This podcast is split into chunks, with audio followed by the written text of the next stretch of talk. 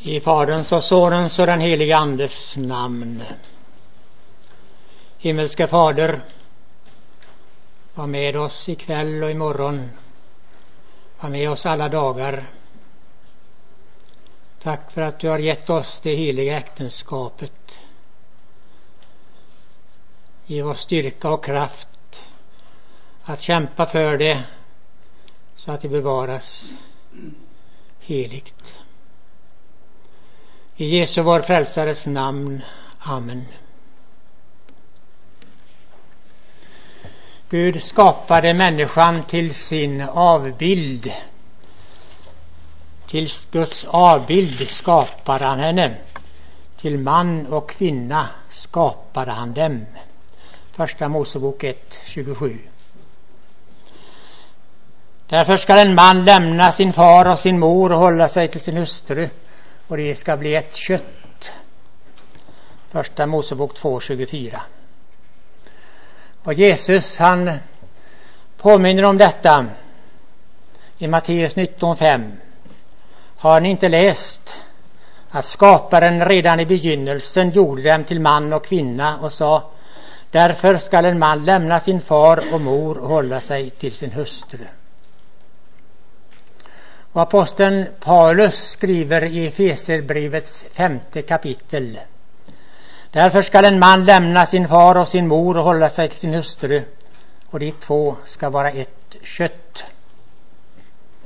Ursprungsordet från första Mosebok 2 förs vidare av Jesus av hans apostel. Det gäller äktenskapet mellan en man och en kvinna. De förenas och blir ett kött. Så är det inte mer två utan ett. Detta är Guds ords tydliga undervisning. Och inte underligt att Hebreerbrevets författare uppmanar oss äktenskapet skall hållas i ära. Och nu skulle jag ge några bibliska perspektiv på äktenskapet i all, i all korthet. Och det grundläggande är detta att äktenskapet är en Guds ordning, äktenskap mellan man och kvinna. I ett av inledningsorden till vigsel i Svenska kyrkan så står det alldeles riktigt än så länge och enligt Guds ord Äktenskapet är ett heligt förbund förordnat och välsignat av Gud, himmelens och jordens skapare. Gud förordnade och välsignade äktenskapet och det gjorde han före syndafallet. Detta är alltså det grundläggande. Sen kan vi fråga oss varför Gud ville äktenskapet. Vad har han för syfte med det? Och det har satt som en punkt, vi behöver varandra i äktenskapet. Makarna behöver varandra. Det är alltså ett av Guds syften med äktenskapet. Herren Gud sa, det är inte bra för mannen att vara ensam. Jag skall göra en medhjälpare åt honom, en som är hans like.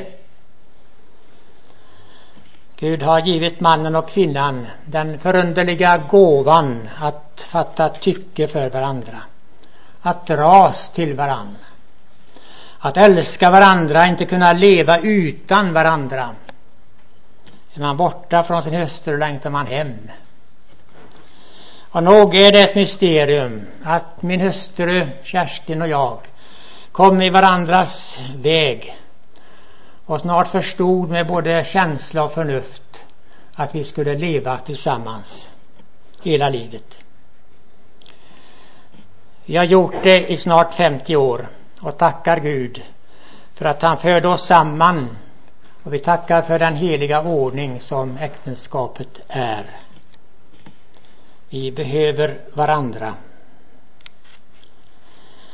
Gud vill släktets fortbestånd. Det är det viktigaste syftet med äktenskapet.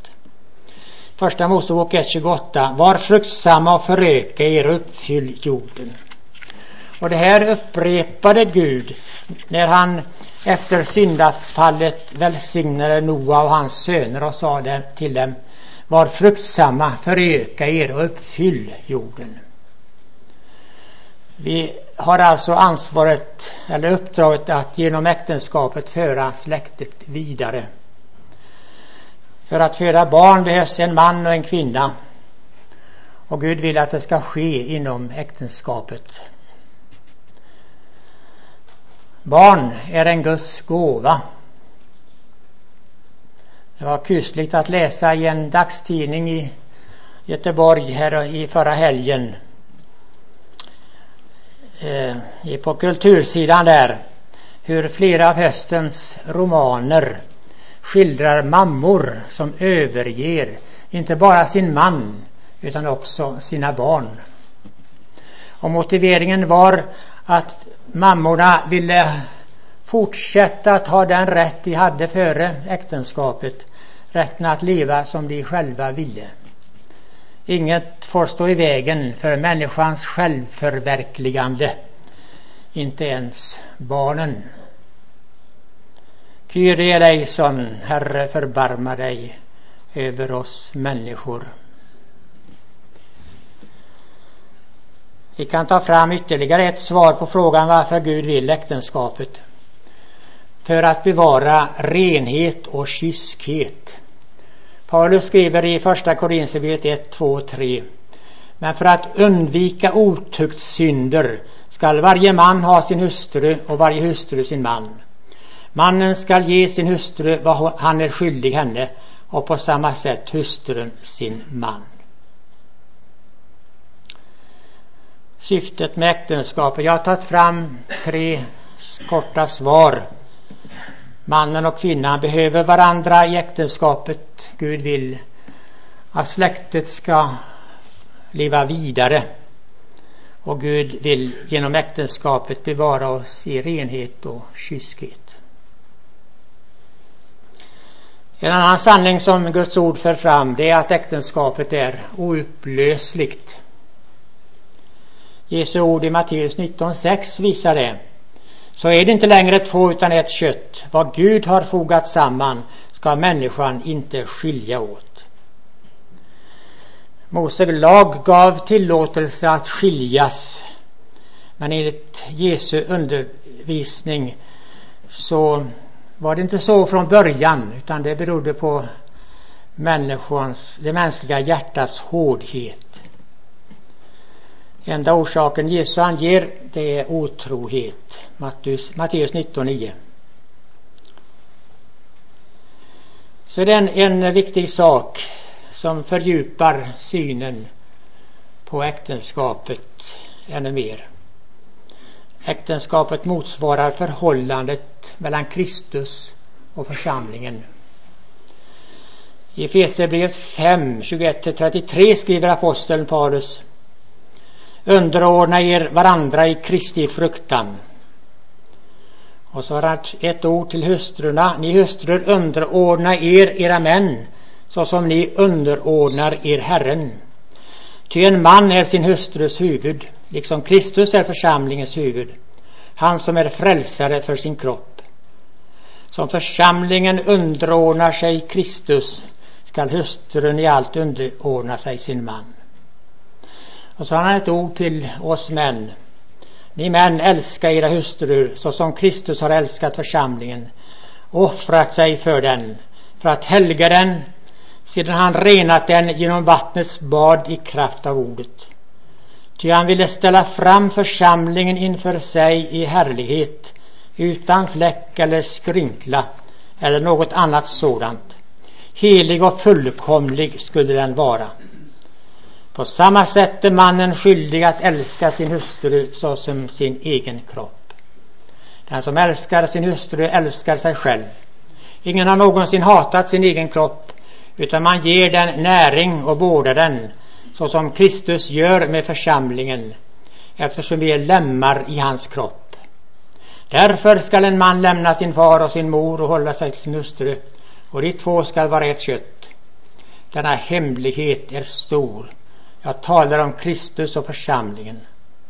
Men vad er angår skall var och en älska sin hustru som sig själv och hustrun skall visa sin man vördnad. Mannen skall alltså ha Kristus som föredöme och norm för sin kärlek och hängivenhet och trohet till och trohet mot sin hustru. Och här kommer vi män till korta. När vi jämför oss med Kristus. För det är med honom vi ska jämföra oss med.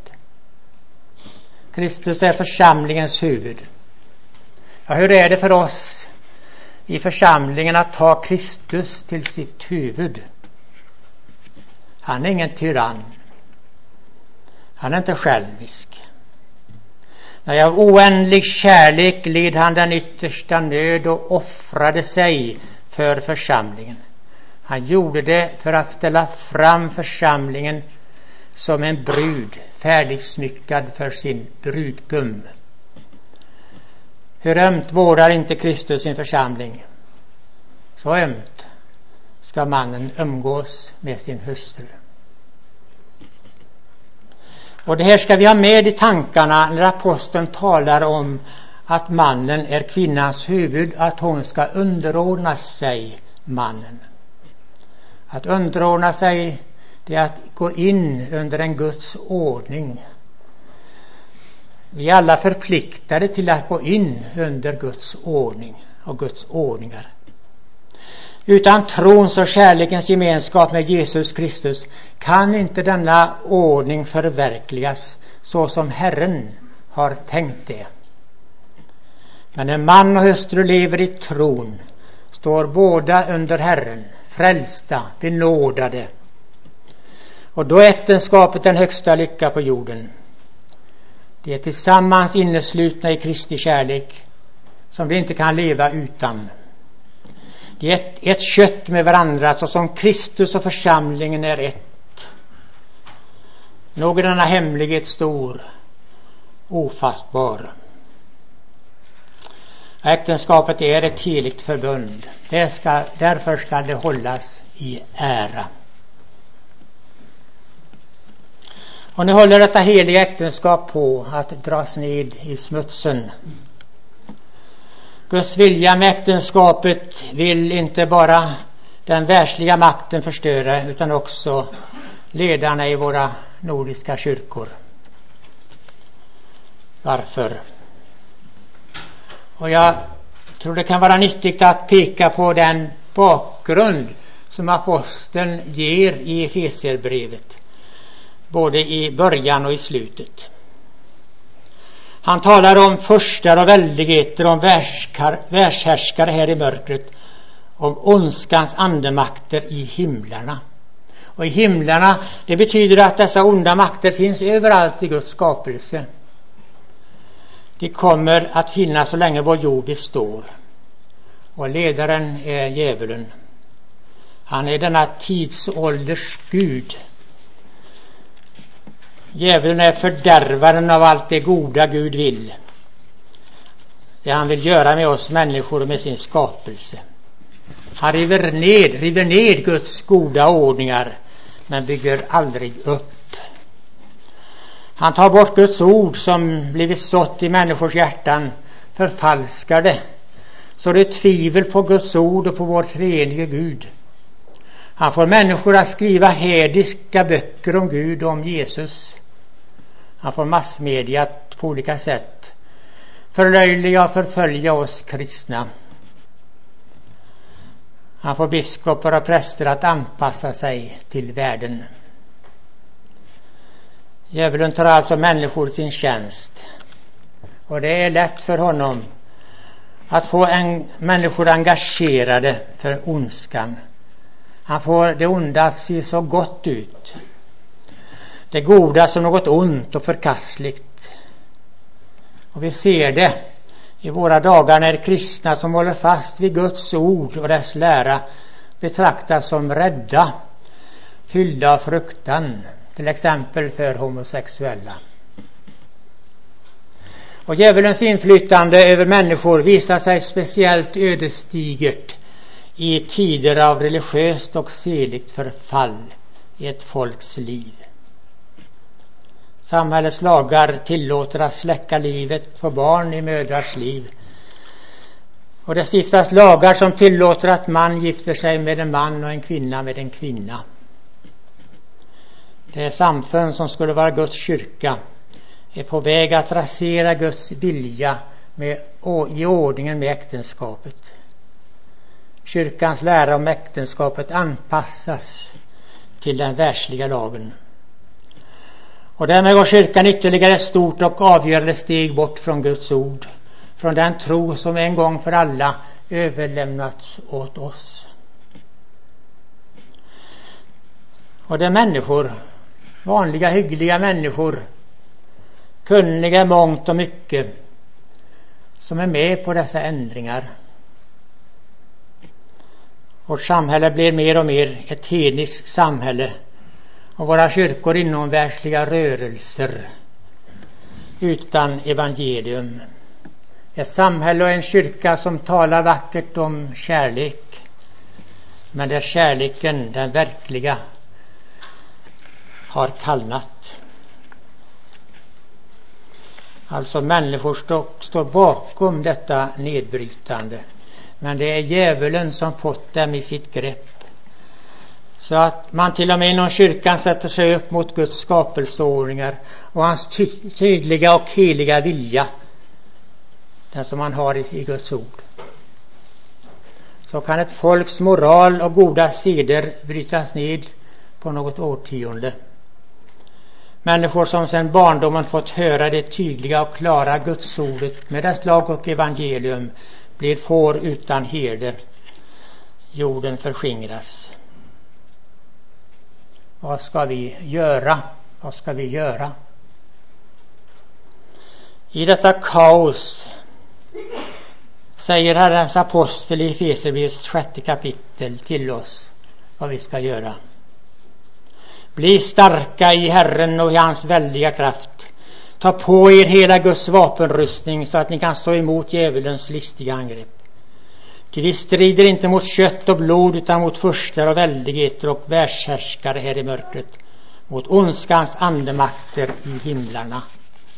Ta därför på er hela Guds vapenrustning så att ni kan stå emot på den onda dagen och behålla fältet sedan ni fullgjort allt.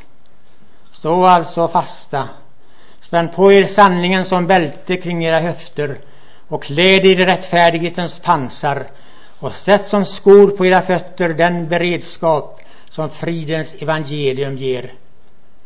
Ta dessutom trons sköld. Med den kan ni släcka den ondes alla brinnande pilar. Ta emot frälsningens hjälm och andens svärd som är Guds ord. Gör detta under ständig åkallan och bön och bed alltid i anden. Vaka därför och håll ut i bön för alla de heliga. Ja, må Herren ge oss kraft att själva hålla äktenskapet heligt. Må han ge oss kraft att i samhälle och kyrka strida för det heliga äktenskapet mellan man och kvinna.